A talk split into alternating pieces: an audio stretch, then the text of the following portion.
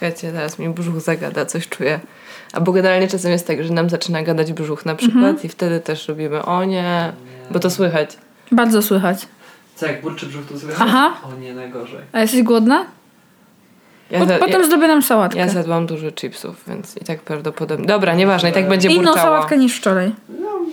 Nagrywamy.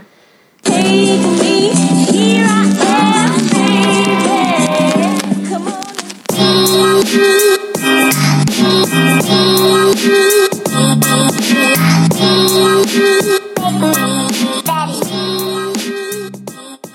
Cześć, ja jestem Zosia Cześć, ja jestem Ula. i to jest nasz podcast. Halo dziewczyny! A dzisiaj oprócz Zosi i oprócz Uli jest też z nami Julia, nasz gość specjalny. Brawo Julia! Hej, cześć, jestem Julia, jestem pierwszym gościem w podcaście Zosi i Uli Halo Dziewczyny i to jest wielki zaszczyt i się bardzo cieszę, że mogę tutaj z wami być. Ale super! Słuchajcie, Julia jest moją bardzo serdeczną, żeby nie powiedzieć najlepszą przyjaciółką i zaprosiłyśmy ją dzisiaj tutaj, żeby sobie pogadać o... O emigracji, Tak, o życiu poza Polską. bo Julia mieszka od dłuższego czasu poza Polską i stwierdziłyśmy, że akurat jest teraz na majówkę w Warszawie, stwierdziłyśmy, że pierwszy odcinek z, z gościem specjalnym to jest właśnie dobry moment, żeby o tym pogadać. Tak, a że Julia nas słucha od początku, odkąd nasz podcast istnieje, jest naszą pierwszą fanką. To... Fanką honorową. Tak, to uznałyśmy, że to będzie super pomysł. No to powiedz nam proszę Julia, jak długo i gdzie w ogóle mieszkasz? No ja mieszkam 4 lata poza Polską i mieszkam w Wielkiej Brytanii. Na początku się przeprowadziłam do miasteczka, które się nazywało Horsham, a teraz jest, mieszkam w innym miasteczku, które się nazywa Guildford. No to słuchaj, to skoro wiemy już jakby gdzie mieszkasz i mam nadzieję, że nie wiem, może mamy jakiś słuchaczy z Guildford albo z Anglii. Z Anglii Wiemy, Pozdrawiamy! pozdrawiamy. Wiem, że w sumie z Anglii trochę mamy. To sobie w ogóle, jak to się wydarzyło, że przestałaś mieszkać w Polsce i zdecydowałaś się na emigrację? No to się w sumie stało tak, że byłam e, bez pracy przez chwilę i w moich poszukiwaniach pracy zadałem sobie pytanie, czemu właściwie ograniczam swoje poszukiwania pracy tylko do Polski, kiedy za tą samą pracę, za wykonywanie tych, tej samej rzeczy, którą robiłam, mogłabym być lepiej opłacona za granicą. Mhm. No więc zaczęłam po prostu e, rozglądać się za pracą za granicami e, Polski i na moim celowniku były takie kraje jak e, Wielka Brytania, Niemcy, Francja. No i w żadnym z tych krajów tej pracy nie dostałem. Dostałem pracę w Wielkiej Brytanii. Po prostu podjąłem decyzję, żeby tą ofertę wziąć. Wydawało mi się, że stawka, pensja i tak dalej, wszystko co mi proponują brzmi uczciwie, brzmi ok, więc po prostu wziąłem to. E, No i tak trochę z dnia na dzień postanowiłam, że no dobra, no to chyba trzeba coś zdjąć e, ze strychu walizkę i zacząć się pakować i ogarniać ten temat. A powiesz naszym słuchaczom, w jakiej branży pracujesz? Pracuję w, e, w game devie, w tak zwanym giereczkowie, czyli zajmuję się tworzeniem gier, wideo, szeroko pojętych. Tak jak kiedyś zajmowałam się głównie testami, tak teraz z tymi grami się zajmuję bardziej od takiej strony produkcyjnej. Super. Okej, czyli tak tylko gwoli ścisłości, jak byłaś w Polsce, to też pracowałaś w tej samej branży. Tak, tak, tak, tak. Branża się nie zmieniła, branża pozostała ta sama. Tak jak w Polsce pracowałam w grach, to teraz e, e, w Anglii również pracuję w grach. To jest kontynuacja, kontynuacja tej kariery zaczętej, zaczętej w Polsce. Okej, super. Ja mam jeszcze takie pytanie, czy y, kiedy decydowałaś się na wyjazd, to miałaś już jakoś tam w głowie zaplanowane, że wyprowadzasz się z Polski na stałe, czy raczej traktowałaś to jako taką tymczasową przygodę na ten moment, kiedy jakby jesteś jakoś tam, nie wiem, byłaś rozgoryczona sytuacją na rynku pracy w Polsce, załóżmy. Na tamtą chwilę miałam takie podejście, że wiem, że to, co robię teraz, będzie lepiej opłacane za granicą, więc po prostu to wzięłam. I prawdę powiedziawszy, kiedy brałam tą, kiedy brałam tą ofertę, sama jeszcze przed sobą nie wiedziałam, czy to będzie, czy to będzie na zawsze, czy to będzie na chwilę.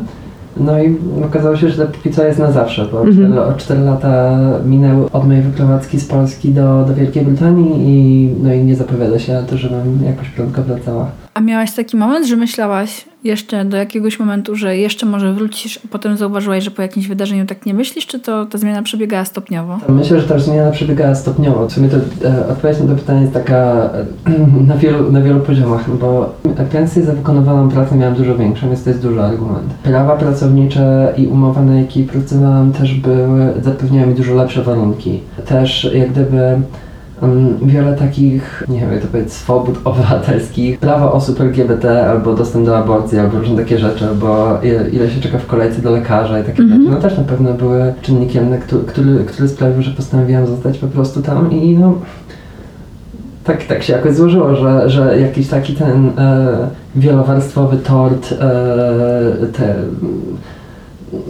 po prostu zło, złożył, się, złożył się w taką porcję, którą, której, której już nie mogłam odmówić, że jednak praca, że jednak kariera, że jednak znajomi, że jednak e, społeczeństwo, że jednak e, prawa obywatelskie, że jednak dużo takich rzeczy, które po prostu przekonały mnie do tego, żeby mm, no, no, nie, nie, ma, nie, ma, nie, nie było jakichś takich kontrargumentów dla tych argumentów, no nie? Dla mnie to jest ciekawe, dlatego że ja mieszkałam też za granicą przez rok, co prawda, i od początku wiedziałam, że wrócę do Polski. To miał być wyjazd tylko na rok.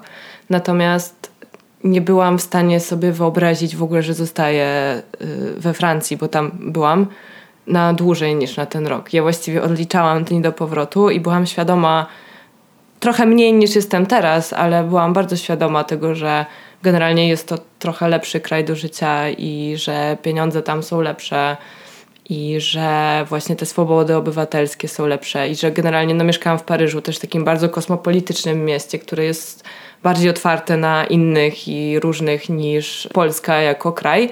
Natomiast jestem tak związana z Polską, z moją rodziną i z moimi przyjaciółmi, że ja i tak codziennie spędzała, spędzałam x godzin na Skype'ie, rozmawiając z mamą, z tatą, z siostrą, z koleżanką, z przyjaciółką, z przyjacielem. No nigdy nawet nie zakładałam, że tam zostanę.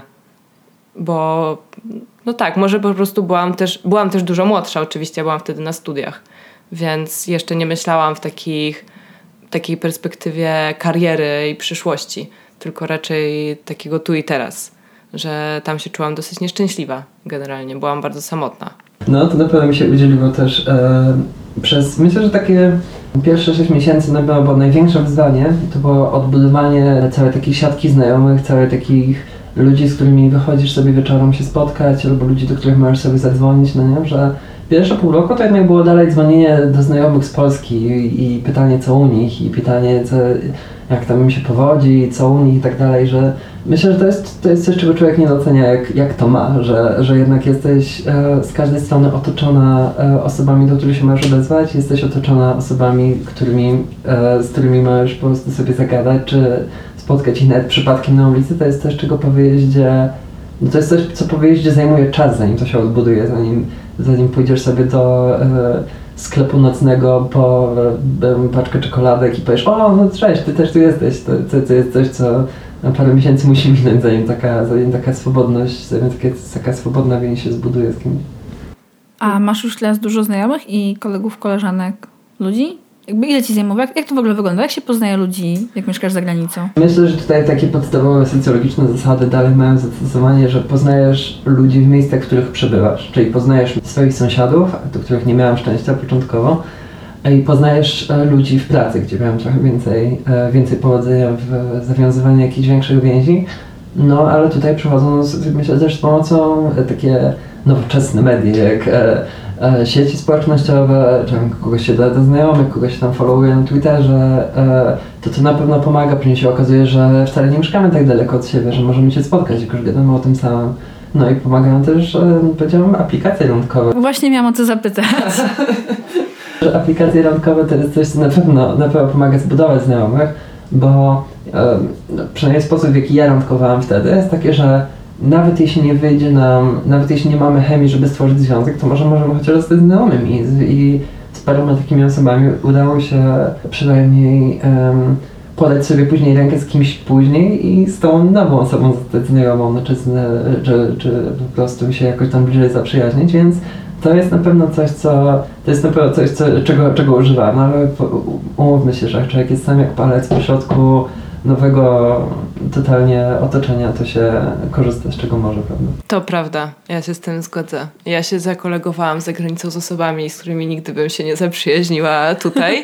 I nie dlatego, że są słabe, tylko po prostu, że byliśmy tak różni, ale tak bardzo potrzebowaliśmy drugiego człowieka na miejscu, że się bardziej do siebie jakoś tam dostosowywaliśmy i mimo, że ktoś mnie strasznie wkurzał, Albo, no właśnie, no po prostu nie był typem osoby, z którą bym się chciała przyjaźnić y, tutaj, bo tutaj mam szeroki wybór i też znajomych już po prostu sprzed lat, to tam to po prostu było zbawienie właściwie. Bierze się co się ma, co, się, co jest dostępne. Tak. A chciałam zapytać w sumie jedną i drugą z Was, czy macie, miałyście podczas tych okresów emigracyjnych znajomych z Polski? Na przykład Polaków, których tam poznałyście albo których już znałyście wcześniej? Ja mogę odpowiedzieć krótko, bo też krócej byłam za granicą. Tak, ja miałam dwóch, dwójkę znajomych z Polski. Poza tym, że w ogóle mieszkałam u polsko-francuskiej rodziny, byłam opiekunką do dziecka. I w ten sposób w ogóle się tam znalazłam, że to była koleżanka koleżanki mojej mamy, która jest Polką i bardzo chciała mieć polską opiekunkę dla swojej córki, która się jakby uczyła we francuskim przedszkolu i chodziło o to podtrzymanie języka na co dzień. Ale przyjechała e, taka para w połowie mojego pobytu tam. To byli znajomi mojej przyjaciółki, którzy przyjechali na Erasmusa do Paryża razem. Udało im się dostać y, do dwóch różnych szkół, ale jakby w tym samym czasie. I z nimi się bardzo, bardzo dużo zadawałam. Oni też są po prostu super ludźmi i później ta znajomość jeszcze się kontynuowała już po powrocie do Polski. Ale poza tym to nie, w żadnych środowiskach polskich nie bywałam. Jedyne doświadczenie, jakie miałam z polską społecznością w Paryżu, to było jak y, moja pracodawczyni zaproponowała mi, żebyśmy poszły do kościoła na polską mszę. Okej. No i ja stwierdziłam, no dobra, okej, no to chodźmy. W sumie nie chodziłam do kościoła już za bardzo, ale no to, było, to był jakiś sposób na spędzenie razem kawałka niedzieli i wyjazd do miasta, bo też miecha, mieszkałam na przedmieściach, a msza była w centrum Paryża. I to było niesamowite, bo była ta polska msza i przed kościołem stał tłum Polaków jarających szlugi i przed tym kościołem był taki placyk. Na tym placyku była furgonetka, z której sprzedawano polskie gazety, czasopisma i polskie przysmaki takie jak Prince Polo i ogórki kiszone i bardzo pyszny chleb słonecznikowy. Chciałam zapytać, czy była kiełbasa właśnie. Prawdopodobnie tak, ale nie, nie, nie wiem, nie tego szukałam. Kupiłam sobie jakieś pismo i ten chleb. Ale super, bo pamiętasz ten chleb, to musiało być bardzo ciepłe wspomnienie w tym, tym momencie. Tak, tak, tak. I ogórki kieszone też później zjadłam nad rzeką. Fajnie było. No, ale to tak, i w sumie z polską społecznością nie miałam za bardzo do czynienia i ona też we Francji nie jest jakaś taka silna, moim zdaniem. Ma jakieś u ciebie? E, no ja mam sobie... E, mój, jeden z moich pierwszych e-maili w pracy to był e-mail od Polki, która e, pracowała w HR wtedy i to ona wysłała mi umowę o pracę, więc to, zanim w ogóle jeszcze wsiadłam w samolot do, do Wielkiej Brytanii, to już miałam kontakt z jakąś Polką na miejscu. Koleżanka z pracy, tak, więc to tak nie, nie była jakaś tam e, wielka zażyłość. I inny jeszcze kontakt z osobą z Polski, ale ten kontakt e, trwał dokładnie dwa dni.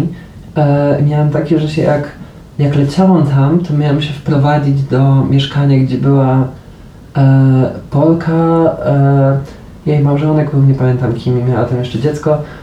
I miałam u niej wynajmować pokój, ale te, właśnie jak przyjechałem, to się okazało, że ten pokój jest tak mały i w takim stanie i e, są jakieś pobite e, lustra, co wyglądało jak po sekcji jakiegoś horroru, więc trochę się przeraziłam. Uznałam, że muszę w desperacji szukać innego mieszkania, Mhm. więc miałam z nią kontakt chwilowy, potem jak się przeprowadziłam, e, jak, jak przyleciałam od razu do, e, do tamtego miasteczka, to trochę spanikowałam, że chyba jednak nie chcę tam mieszkać, więc jeszcze zanim tego samego wieczora e, zapłaciłam jej kaucję za ten, za ten pokój, udało mi się znaleźć jakiś inny, więc e, miałam z nią kontakt dosłownie momentalny. I tyle. I tyle tak naprawdę. A w sumie nie jest tak, że masz koleżankę jedną, która się przeprowadziła do Londynu też w podobnym czasie? E, miałam jedną koleżankę w studiu, ale to się poznałyśmy później. To na usprawiedliwienie, że to e, parę tygodni minęło, zanim w ogóle e, zidentyfikowałam to, że jeszcze jedna Polka pracuje w tamtym studiu. Pogadałyśmy sobie trochę, jesteśmy w takim trochę, takim kontakcie, raz na jakiś czas siebie napiszemy jakieś tam pracowe tematy. Przypomniałem Ci, że mam jeszcze, jeszcze kilka tak naprawdę znajomych Polaków, a to w ogóle chyba biorę ich takich e, zapewnik, bo jak ja się wyprowadzałam do Wielkiej Brytanii, to też moja wtedy była dziewczyna się przeprowadzała dokładnie miesiąc po mnie, do Wielkiej Brytanii też.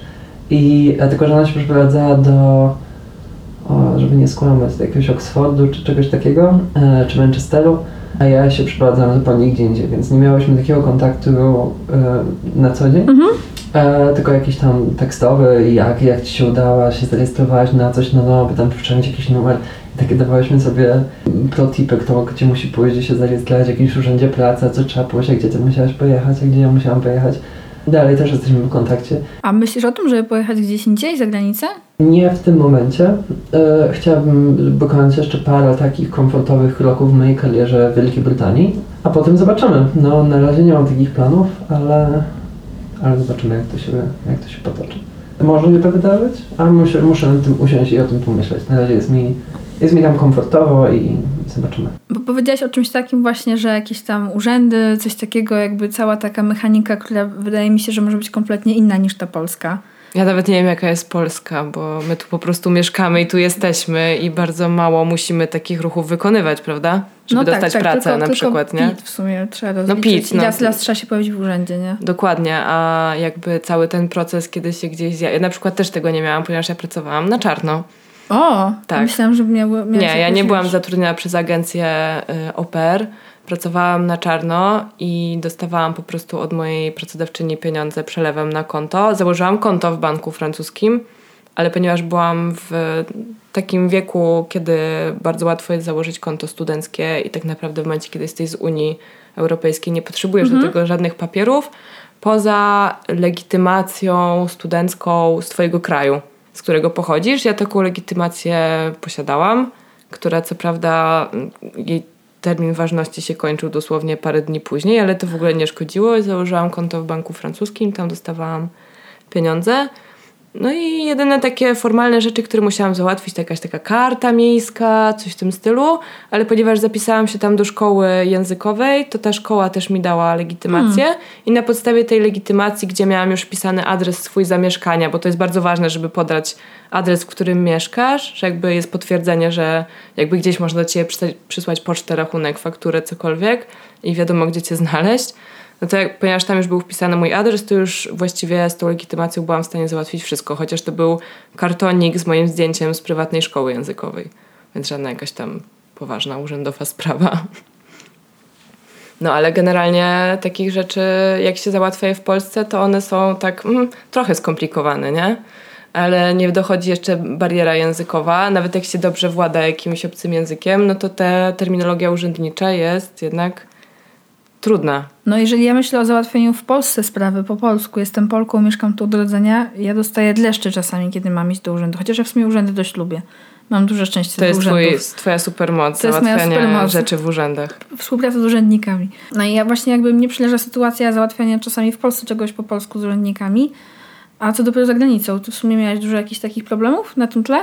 No ja miałam takie szczęście, że e, pracowałam na etat i na normalną umowę o pracę. Zresztą u nich chyba tego jest umowa o pracę, albo ja jestem tak uprzywilejowany, że nawet nie wiem jakie są inne. Nie miałem żadnych problemów. Musiałem się tylko dowiedzieć co się robi, bo to jest taki, mm, tak uczysz się tego systemu od nowa. E, mianowicie nie tylko niektóre urzędy mogą obsłużyć e, pewne sprawy, czyli na przykład jak się musiałem zarejestrować jako osoba pracująca, tam się otrzymuje taki nazywa się NIN, e, że jest National Insurance Number. To jest trochę taki nasz PESEL, no, taki ek- ekwiwalent naszego PESEL-u tutaj. Żeby dostać ten numer, to trzeba się zarejestrować. Żeby się zarejestrować, trzeba mieć ważny paszport. I z tym ważnym paszportem, czymś tam jeszcze, jakimś papierem od pracodawcy, nie wiem, jedzie się do urzędu, który obsługuje twój okręg. Ja myślałam, że to wystarczy pójść e, do takiego job center.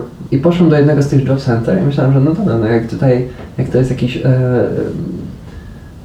jakby to powiedzieć, że to jak- jakaś e, publiczna funkcja, jakaś publiczna usługa, to po prostu mogę pójść do któregoś dowolnego i oni to ogarną. No okazuje się, że tak nie wolno robić i, i wysłali mnie e, do miasta Brighton, to jest na samym samym południu, to jest takie przymorskie miasto, do którego musiałem chyba jechać półtorej godziny, tylko po to, żeby e, ustawić się w, w kolejce w tamtym mieście i tam uzyskać ten numer, więc to mnie trochę tak zdziwiło, że e, tutaj raczej jest tak, że nie, nie jest ciężko znaleźć e, miejsce, w którym załatwiają ci takie rzeczy, że każde duże miasto będzie miało taki swój, taki swój e, urząd, to tam, tam trzeba było trochę się pofatygować. No, potem jak już, jak już dostałem ten numer, było wszystko ok.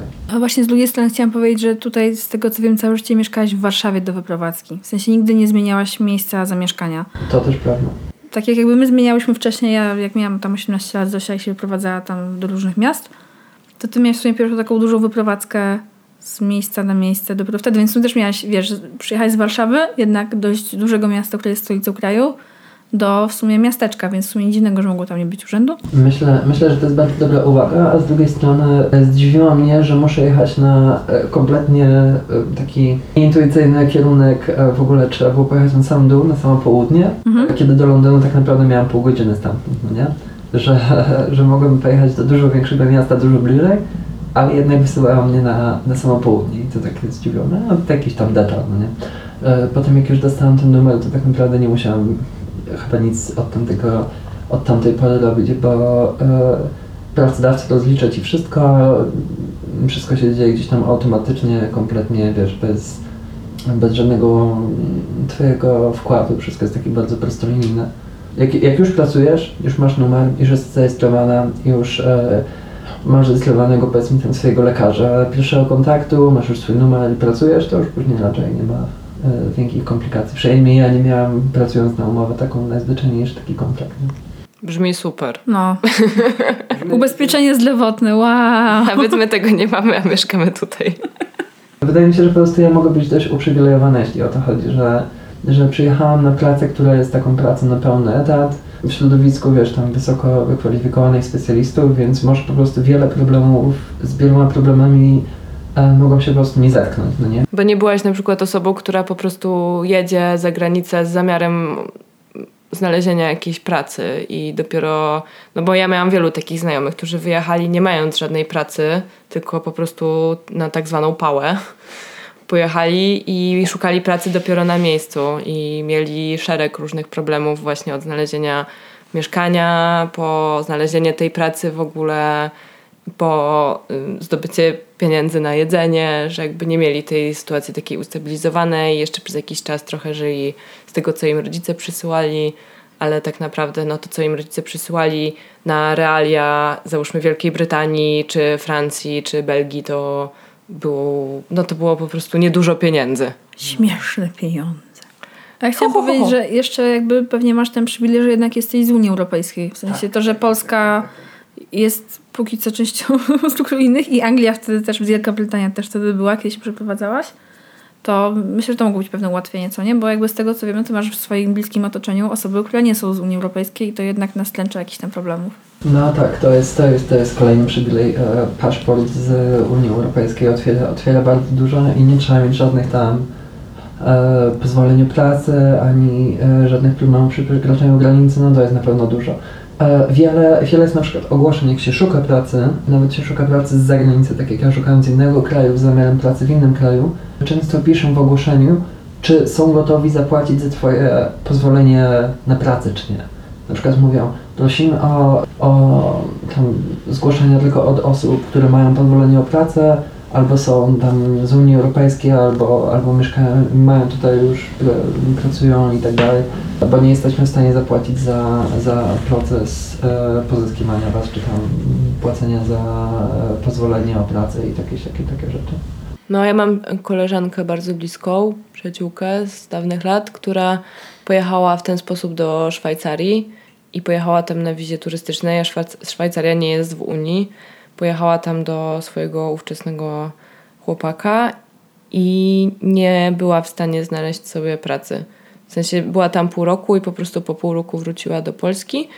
A ponieważ on tam pracował, to po jakimś czasie też to było w planach oczywiście, wzięli ślub i wróciła już do Szwajcarii, jakby będąc jego żoną i już nie potrzebowała tego pozwolenia o pracę, bo dostawała je z automatu. On nie jest Szwajcarem, nie? Tylko po prostu już ponieważ on tam pracował i są małżeństwem, to ale właśnie z tego powodu, że pracodawca musiałby to za nią załatwić i że to jest koszt, nie była w stanie znaleźć pracy, mimo że chodziła na jakieś tam rozmowy rekrutacyjne i zawsze to był taki argument, który powiedzmy sprawiał, że ją odrzucali. No, jeśli chodzi o dostęp do rynku pracy w, w krajach członkowskich Unii Europejskiej, to jest piękna rzecz, którą sa, sama na pewno zachęcam do, do sprawdzania, ile, ile nasze umiejętności, ile nasza praca jest warta e, za granicą. Możemy dojść do bardzo ciekawych wniosków. To jest, to jest na pewno coś, co mi bardzo pomogło, jak się, mm, e, jak się czułam e, wynagradzana za moją pracę w Polsce, jak się czuję wynagradzana za moją pracę za granicą, to są jak gdyby zupełnie, zupełnie, zupełnie inne liczby, zupełnie inny, e, temat, więc no, to, jest, to jest na pewno coś, co warto zrobić, porównać się, jak się pracuje, jak na jakich warunkach, za jakie wynagrodzenie, z jakimi benefitami w innych krajach. Ja pamiętam, że kiedyś patrzyłam, ile kosztuje moja praca w Australii i jednocześnie poczułam, jakby to była piękna kwota. Pamiętam to. Tak, ale Australia jednak jest bardzo daleko i wiem, że tam są trudne. Jakby proces zatrudnienia się tam jest bardzo skomplikowany, dużo bardziej tak. skomplikowany niż w Unii. Pająki spoko ogarnęłabym. Pająki, bo są też Ja wiesz, dingo i różne inne przyjemne rzeczy. I przede Prawie wszystko chcecie zabić w Australii, pamiętaj o tym. Jest, słuchaj, w Polsce też jest całkiem sporo instancji, które chcą mnie zabić. Ale tam to natura chcecie zabić. W naturze bardziej ufam niż pewnym organizacjom. Oni jednak mają jakiś tam, bardziej ich rozumiem. Chcą cię zjeść. Ale powiedzmy właśnie, bo tak jak mówisz, że miałeś jakieś tam oczekiwania finansowe i tak dalej, to właśnie czy miałeś przeprowadzając się jeszcze jakieś inne oczekiwania względem mieszkania tam, które zostały, na przykład, które się spełniły albo które się właśnie kompletnie nie zrealizowały? Ciekawe pytanie, tak naprawdę. Wydaje mi się, że nie miałam za dużo oczekiwań. E, Mój, mój obraz Wielkiej Brytanii głównie był kształtowany przez seriale jak Sherlock czy inne takie rzeczy. Więc myślałem, że w całej Wielkiej Brytanii się żyje po prostu jak w serialu BBC, ale e, nie jest to prawda. Szczególnie jeśli się przeprowadza do tak małego miasteczka, do jakiego ja się przeprowadziłam. Jakie miałem oczekiwania? Miałem oczekiwania, że wszyscy ludzie mówią z takim e, serialowym e, BBC akcentem i w ogóle tak nie jest. Myślę, że miałem po prostu mnóstwo takich durnych stereotypów, jakie się ma, że tam jest jakiś five o'clock i ludzie piją herbatę za bzdurę, jest w ogóle nikt tego nie robi. A jak tam z tym zgadaniem o pogodzie na przykład? Wszyscy gadają o pogodzie?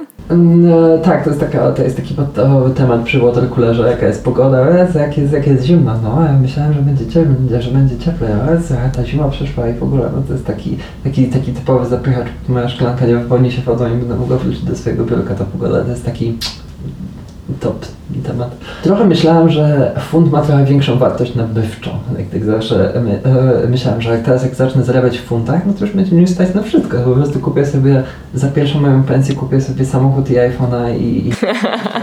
Nie masz prawa jazdy. Nie mam prawa jazdy, a myślałem, że jeszcze kupię, sobie prawo jazdy ogóle. Już będę e, włożę po prostu całą moją wypłatę do tego pistoletu na banknoty i tak się będę ostrzeliwać. Ale, ale nie stało się to to, to trochę mnie... To, to znaczy tak, mój, mój błąd e, wynikł z tego, że jak się dowiedziałem ile będę pracować, to prze, e, sobie moje zarobki przez taki kalkulator, e, ile, ile tak naprawdę dostaje się na rękę. I myślałem sobie, o Jezu, ile to jest pieniędzy, przecież w Polsce bym była taka bogata to, to jestem pewna, że jak przyjadę tam, będę równie bogata. No i nie zgadniecie, nie byłam równie bogata, bo nie wiedziałam z jakimi kosztami ukrytymi, tak, znaczy no nie są ukryte, po prostu ja jako człowiek, który tam nie mieszkał, nie wiedziałam po prostu z jakie...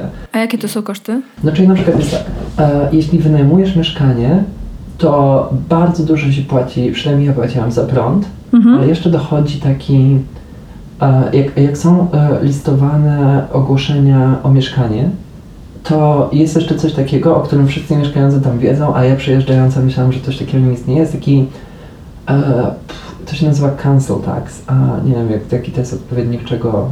Jest taki, taki, taki, taka rzecz, którą płacisz gminie. Pamiętaj, tu jest Polska, tu się wynajmuje na czarno, no. No i e, zaskoczyło mnie, ile to jest, jak dużo to jest pieniędzy. To ja byłam trochę zaskoczona tym, e, że na przykład mieszkanie, które jest, które było wynajem jakieś powiedzmy, tak zaokrąglam, no nie, tam w e, jakieś 600 funtów, miało na sobie e, cancel tax e, 300 funtów.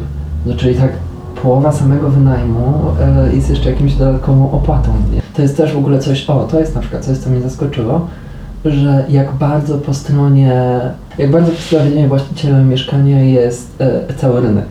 Że jest mnóstwo opłat, które ty uiszczasz jako, e, jako, jako osoba wprowadzająca się do tego mieszkania. Jest bardzo dużo takich opłat i jakie są wysokości kaucji, ile, ile z. E, tak, jak na przykład mieszkałem w Polsce, to jakby taką, taką domyślną wartością e, kaucji było jeden miesiąc, no przeważnie wraca do Ciebie, no nie? Próg zniszczenia mieszkania w Polsce jest dość wysoki, w sensie, żeby zniszczyć mieszkanie najpierw trzeba je zalać, no nie?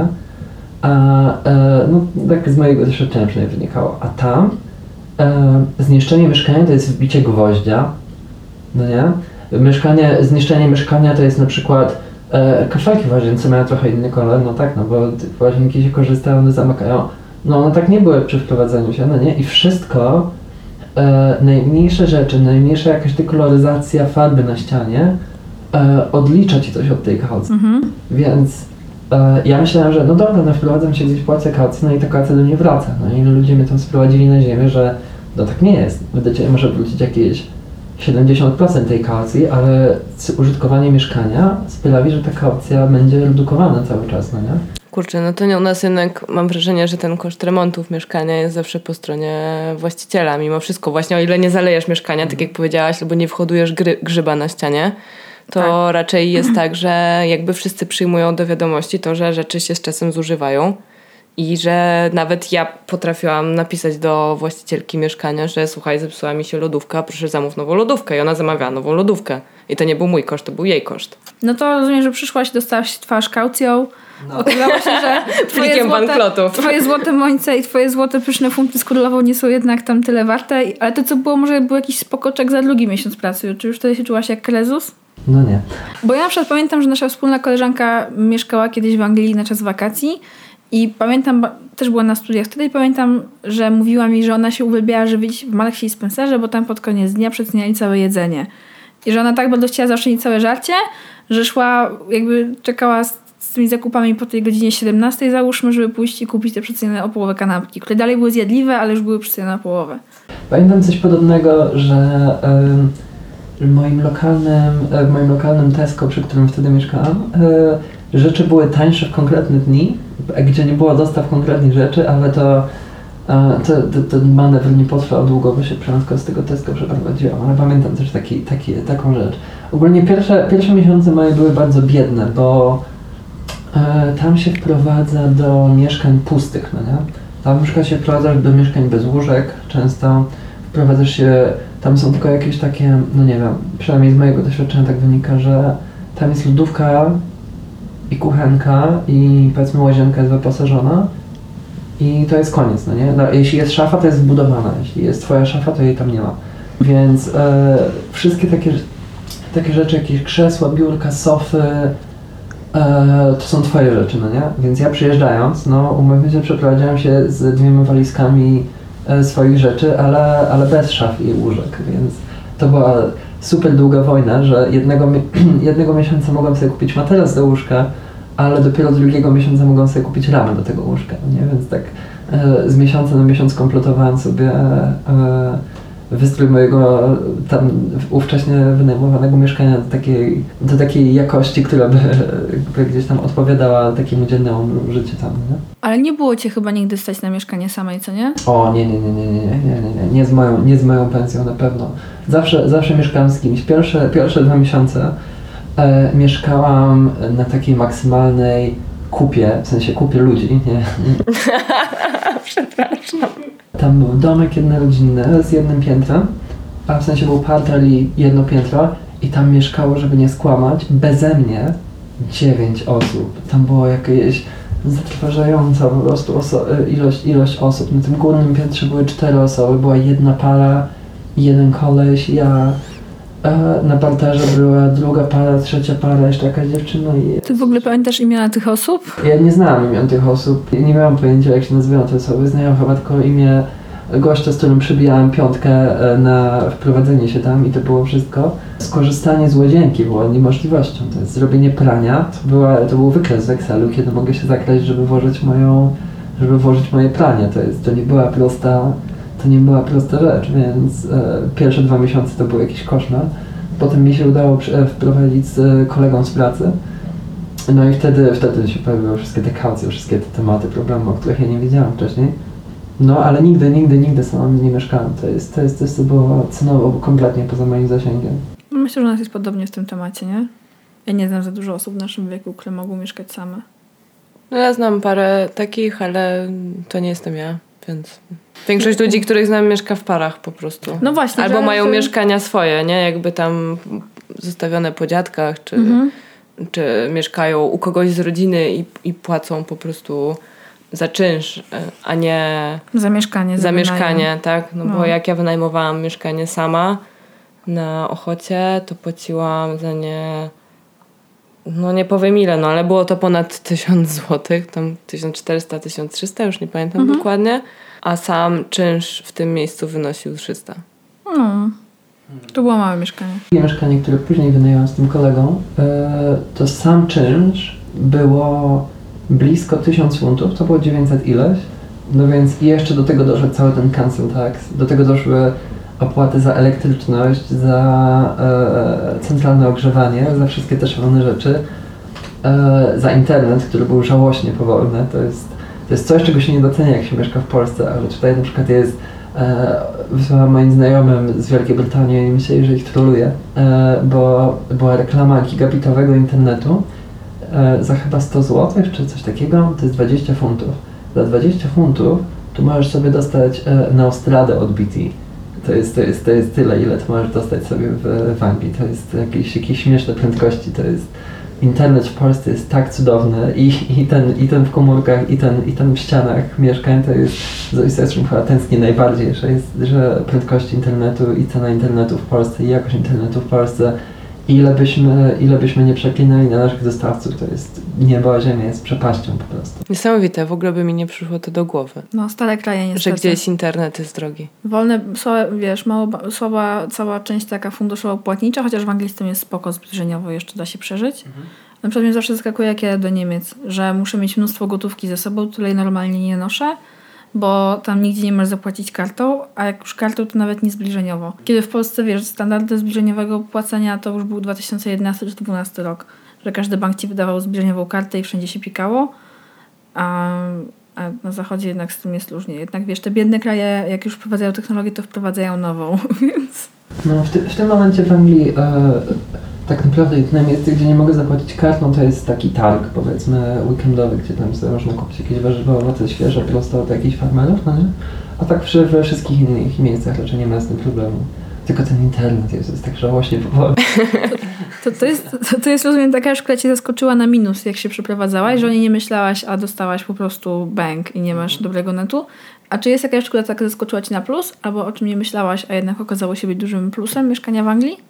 Tak, myślę, że myślę, że jest taka rzecz. Taka rzecz, która mi od razu przychodzi do głowy, a to też wynika z jakiegoś pewnie mojego em, procesu dorastania.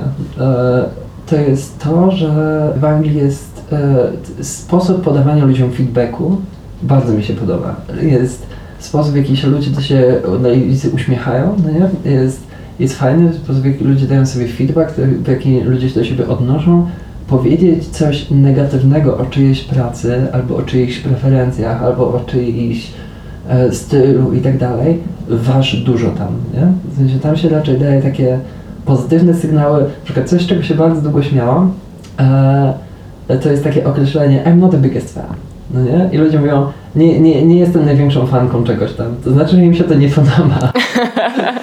no nie? I to jest, to są właśnie, właśnie takie bardzo, i ta krytyka jest taka bardzo miękka, no nie? A ja, ja przyjechałem z Polski i mówię, no to jest słabe, to mi się nie podoba, e, to trzeba wyrzucić. E, przepraszam, kto, kto w ogóle dał zielone światło na to? To nie jest dobre. No nie, jak to można powiedzieć, że to nie jest dobre? No nie, może powiedzieć, że no, jest tak tak, jak ona przyszła się rządzi, jest takie wszyscy mi tacy przerażeni, no nie?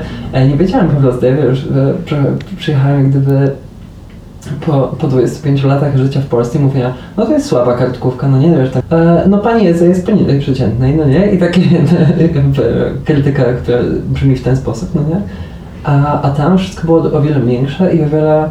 Uważam, że na przykład na początku ja się z tego śmiałem, myślałem, że oni nie umieją przyjąć krytyki, takie to nie, muszą, to nie mają kręgosłupa, nie się boją powiedzieć, a teraz, a teraz doceniam to, teraz widzę, że jest to e, fajne, fajnie jest powiedzieć coś komuś w sposób, że pomaga się tej osobie rozwinąć, że mówi się na przykład, że na przykład no powiedzmy e, rzecz, którą ja bym zmieniła jest to i to i to, albo na przykład e, nie zgadzam się z wyborem czegoś tam, ale, ale rozumiem czemu coś tam się stało, no nie? To jest na przykład feedback, którego ja te 4 lata temu w ogóle nie stosowałam, od razu, od razu wchodziłam z buta, otwierałam drzwi i mówiłam, no to jest do wyrzucenia. Nie? A dzisiaj też gdyby doceniam miękkość tego, doceniam miękkość tego feedbacku i doceniam doceniam sposób, w jaki ludzie potrafią odnosić się do tego, co ktoś robi, jak ktoś to robi, owoców czyjejś pracy. Uważam, to jest bardzo fajne i te, teraz na przykład jak ja przyjeżdżam do Polski, to ludzie mówią, ale to jest słabe, ale to jest brzydkie i ja zrazu jako język. Ale masz tak, jak jechałyśmy wczoraj samochodem, to ja się na coś wkurzyłam, O miałam taki chyba road tak.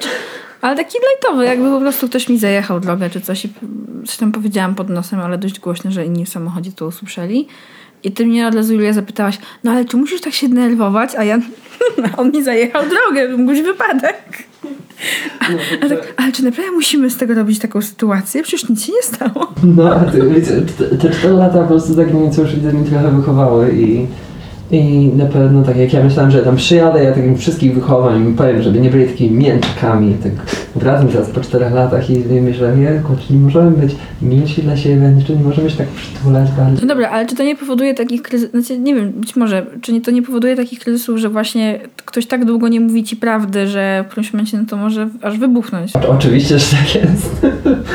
oczywiście, oczywiście, że tak jest. I, I czasami to mnie denerwuje i tam dalej i dalej. E, jestem Polką i mam obowiązki polskie i wtedy mówię, że trzeba przerwać ten imbal. To naprawdę chyba, chyba nie mówimy o tym, o czym, o czym, o czym trzeba o czym trzeba teraz mówić i, i, i przy, dalej, dalej jest we mnie to taka potrzeba przychodzenia do rzeczy i, i tak, zgadzam się, jest, jest, jest czasami coś takiego i, i wtedy też już tak mi się przypomina, zaraz, zaraz, zaraz, zaraz, chyba nie mówimy o tym, o czym mieliśmy mówić.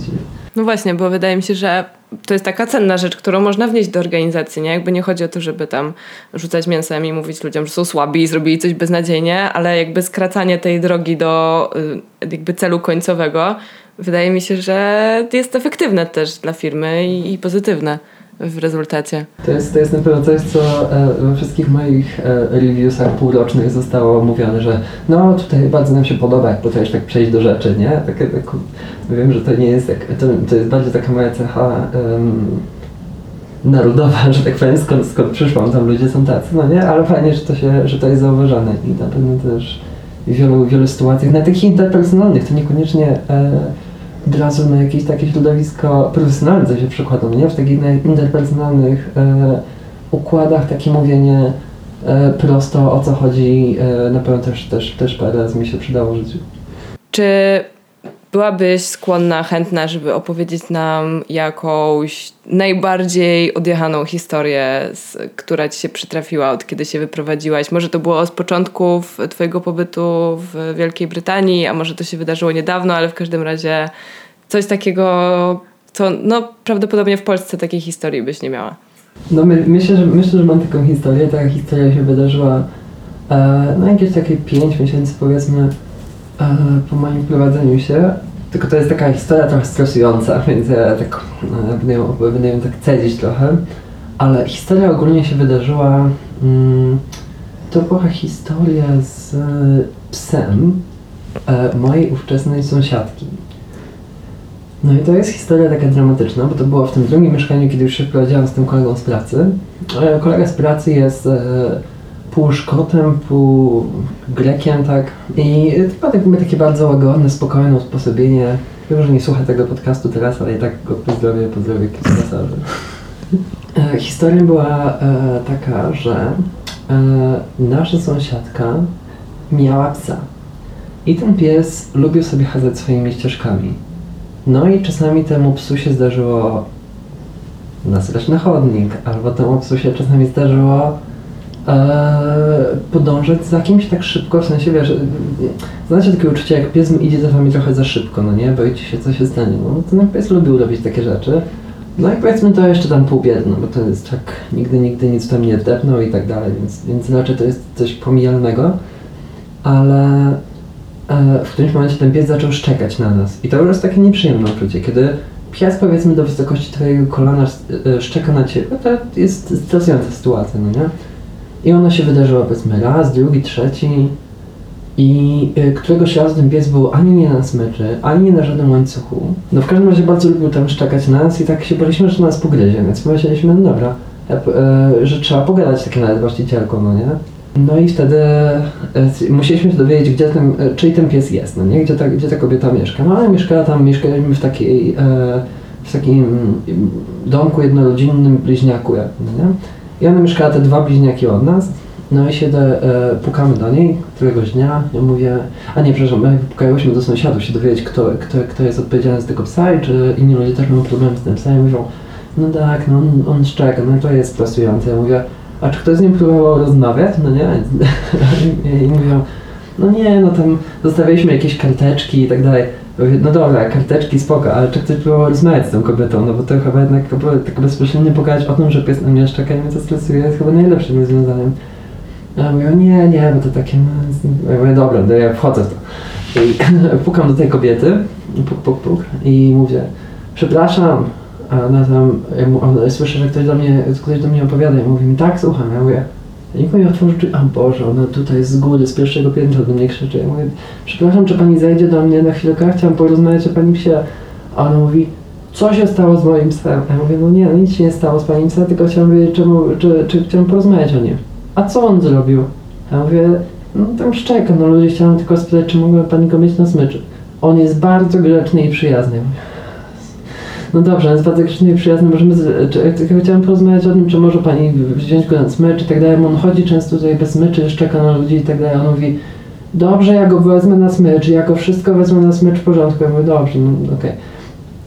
Porozmawiałem później któregoś jeszcze razu z inną sąsiadką, mówię, przepraszam, czy ta, historia z tym psem e, e, się powtórzyła kiedyś, czy, czy, jest taka, czy to się tylko mi przydarzy, czy to ja coś robię z tym psem źle? Oni mówią, nie, nie, ten pies jest strasznie nieposłuszny, jest strasznie niegrzeczny i e, szczeka na każdego. E, pisaliśmy do takiego newslettera sąsiedzkiego, że osoba, która tam z psem e, ma problem, prosimy o branie i tak dalej. I on, I on tak, i ja mówię, i co on wam robił? No, na przykład przychodził na nas świeżo skoszony trawnik i powiedzmy zostawił na nim coś, no nie, i, i tak dalej. Ja mówię, ja mówię, no ale czy ktoś rozmawiał z tą kobietą? No i tutaj wychodzi właśnie ta, ta, taka brak takiej bezpośredniości, że oni ma- mają problem z tym psem od jakichś dwóch lat i nikt nigdy z nią nie, nie porozmawiał o tym, czy, czy, czy pies mógłby jednak nie załatwiać się na moim trawniku. No nigdy to się nie stało. No i e, potem parę, parę tygodni, e, parę dni później, jakieś dwa, trzy, e, temat jakby ucichł, psa nie widziałam, ale e, w naszym takiej wnętrznej listy był list zawinięty na, na cztery części, no nie? I było, e, na liście było napisane od 27 do 23, czyli numer lokalu, pod którym my mieszkamy, bo nikt nie zna swoich imion. E, I tam, i podpisane łapką psa, a ja tak, o nie. Otwieram ten list, a tam w nim, że e, dzień dobry, nazywam się tam, już nie pamiętam imiona tego psa, ale powiedzmy Reksio, no nie? Nazywam się Reksio i mam tyle i tyle lat, a ja, o nie. Czy to jest list pisany z perspektywy psa? Tak, tak, ta łapka podpisana to, no, to wskazywała, no więc, więc chyba tak jest. No, mam ileś tam ileś lat. Moja pani ma ileś tam ileś lat i nie radzi sobie czasami ze mną. Ale nie martwcie się. Niedługo moja prawdziwa właścicielka, tam jakaś młoda dziewczyna, e, zabierze mnie ze sobą do swojego mieszkania i już nigdy się nie zobaczymy. Wszystko będzie, wszystko będzie ok, bardzo przepraszam za kłopoty, które wyrządziłem, tam Reksio, łapka. Myślę, jakie super zakończenie tej historii, no nie? Że ktoś to napisał odręcznie, o, bo jeszcze to nie było, to, jest jeszcze ważne, że Pisał to pies, więc jakby... nie korzysta z komputera, tam się długa, odświeżanie tego obrazu za szybko, to psy nie ogarniają tego, więc piszą odręcznie listy. I pisze, napisał ten pies ten list. A ja mówię, jest, jak super, jak, jak to się fajnie złożyło. To był grudzień. Cały styczeń spoko, cały luty spoko, no w marcu już wiecie pewnie, że już nie było spoko. Ponieważ po- zaczęliśmy widzieć tego psa częściej. Ja tak, co ty? Czy to jest ten pies? Ja e, ten pies, ale jest kimś innym na smyczu. Mówię, dzień dobry, dzień dobry, mnie znają, więc chyba jest nam znajomy temat. I później widzę znowu tego psa z tą kobietą. Aha, czyli pies sobie jednak nie poszedł. No dobra, ale nie, nie skacze, nie szczeka na nikogo. Któregoś dnia ten pies y, nie był znowu na smyczy i znowu zaczął na mnie szczekać. I e, tylko, że ta kobieta była przy niej. Mówię, przepraszam, czy może pani e, e, wziąć psa na, na stronę, no nie, bo już czeka na mnie. A ona mówi, on tylko chce się przywitać. A ja mówię, o Jezus, nie. A ona mówi, no tylko chce się przywitać, on jest bardzo przyjacielski. A ja mówię, dobrze, okej, w porządku. A ona mówi, ja mówię, ale rozumiem, tylko po prostu stresuje mnie to, że już chciałam przejść, już nie chciałam tego, tego. A ona mówi, gdybyś nie słuchała muzyki cały czas e, i wyjęła te słuchawki z uszu i chciała być dla niego miła, to on by nie, ciebie tak nie szczekał. Ja tak, o nie, co tu się dzieje? I już, już chciałam odejść stąd. No i nieszczęście chciało, że tego dnia e, zepsuł mi się zamek w drzwiach. Więc już uciec ze swojego domu. I majstruję przy tym zamku, już chcę uciekać stąd. I ta kobieta widzi, że majstruję przy niej i mówi, a skąd ty jesteś? A ja, o nie. A on mówi, a skąd ty jesteś? A ja mówię, czy to ma jakieś znaczenie? Ona mówi, my w tym kraju kochamy wszystkie zwierzęta i okazujemy szacunek wszystkim zwierzętom. I ja nie wiem skąd ty jesteś, ale do mojego psa będziesz mówić z szacunkiem. I ja mówię, o Jezu, nie, co tu się dzieje? I, zaci- I to jest najgorszy możliwy moment, bo mi się nie przekręcone klucze, chciałem uciec do komfortu własnego mieszkania. Ona mi mówi, you're pathetic and miserable person, no nie? że jesteś żałosną i tam jakąś tam sponiewieraną osobą i współczuję ci po prostu takiego życia. Byłem strasznie stresowana, bo to jest pierwszy raz, e, jak tam już mieszkałem 9 miesięcy, kiedy mi się zdarzyła taka antyimigrancka historia. E, no ale wydarzyła mi się taka historia i trochę ciężko, żeby taka sama historia z takim samym zakończeniem, bardzo pesymistycznym, przydarzyła mi się w Polsce, no ale mi się przydarzyła. Co w sumie sprawia, że przypomina mi się fakt, że bardzo często idziesz do dentysty, idziesz do fryzjerki, idziesz do, nie wiem, cokolwiek innego załatwić. Często ludzie mówią, zadają ci takie pytanie, a skąd ty jesteś? I ty już nie wiesz, gdzie to pójdzie, no nie? I ty już trochę się boisz, czy to jest, czy to jest takie, ty nie jesteś od nas, no nie? A jest na przykład często takie pytanie, a kiedy planujesz wrócić do domu? Jest takie, no, no nie wiem, dzisiaj po południu, bo jestem już zmęczona i wracam do domu. Nie, ale kiedy próbujesz wrócić do siebie, no nie? A tak, o nie, już nie wiem, gdzie to idzie, to jest stresujące, no nie?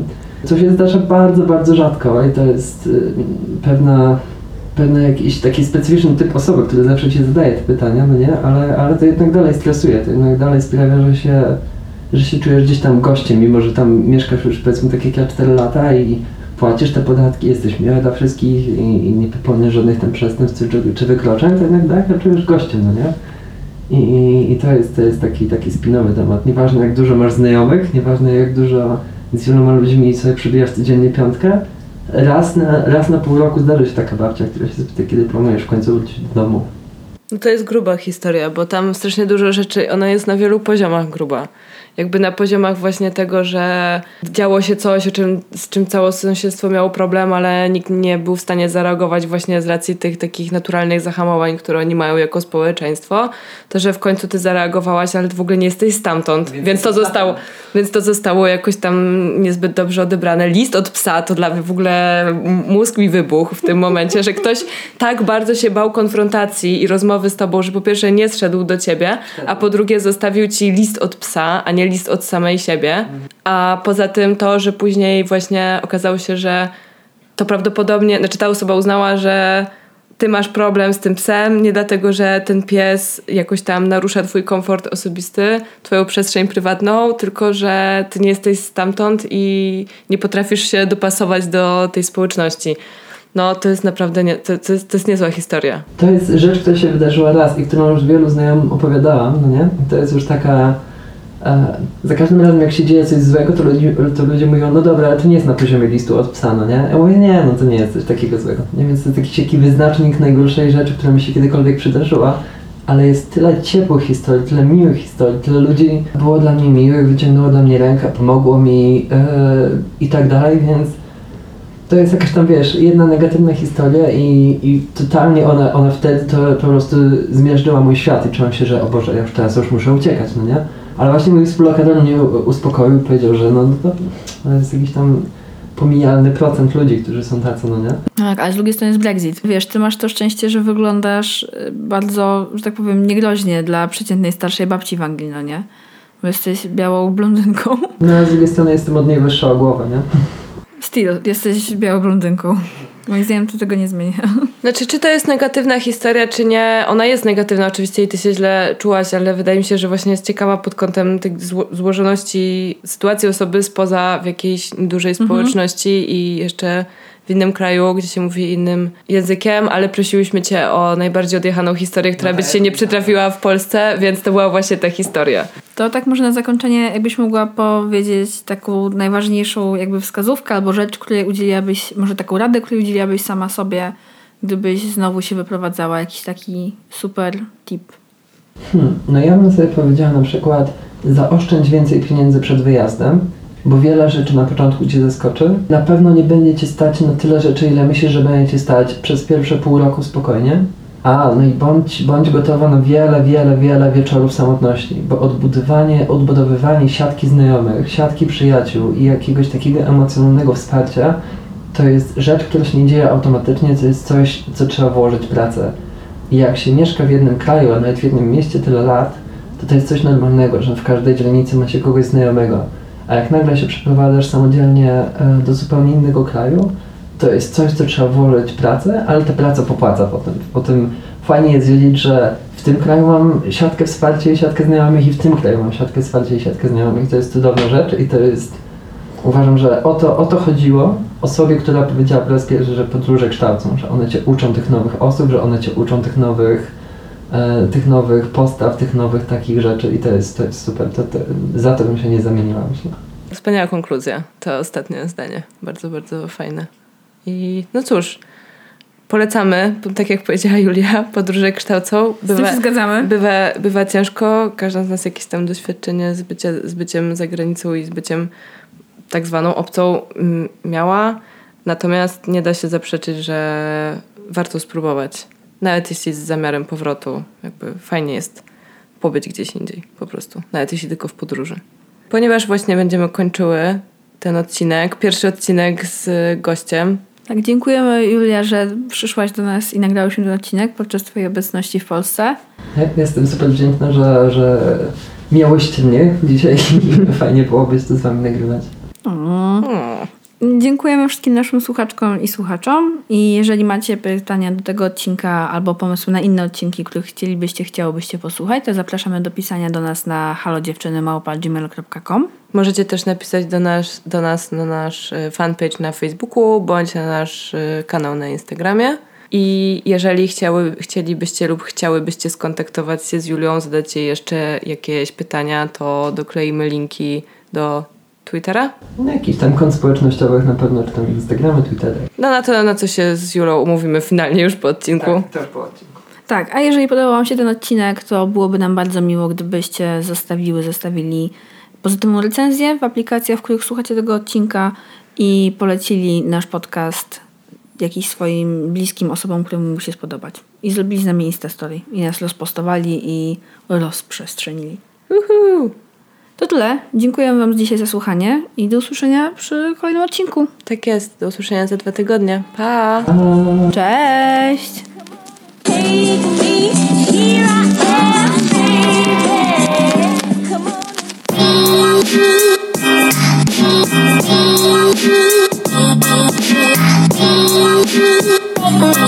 Daddy.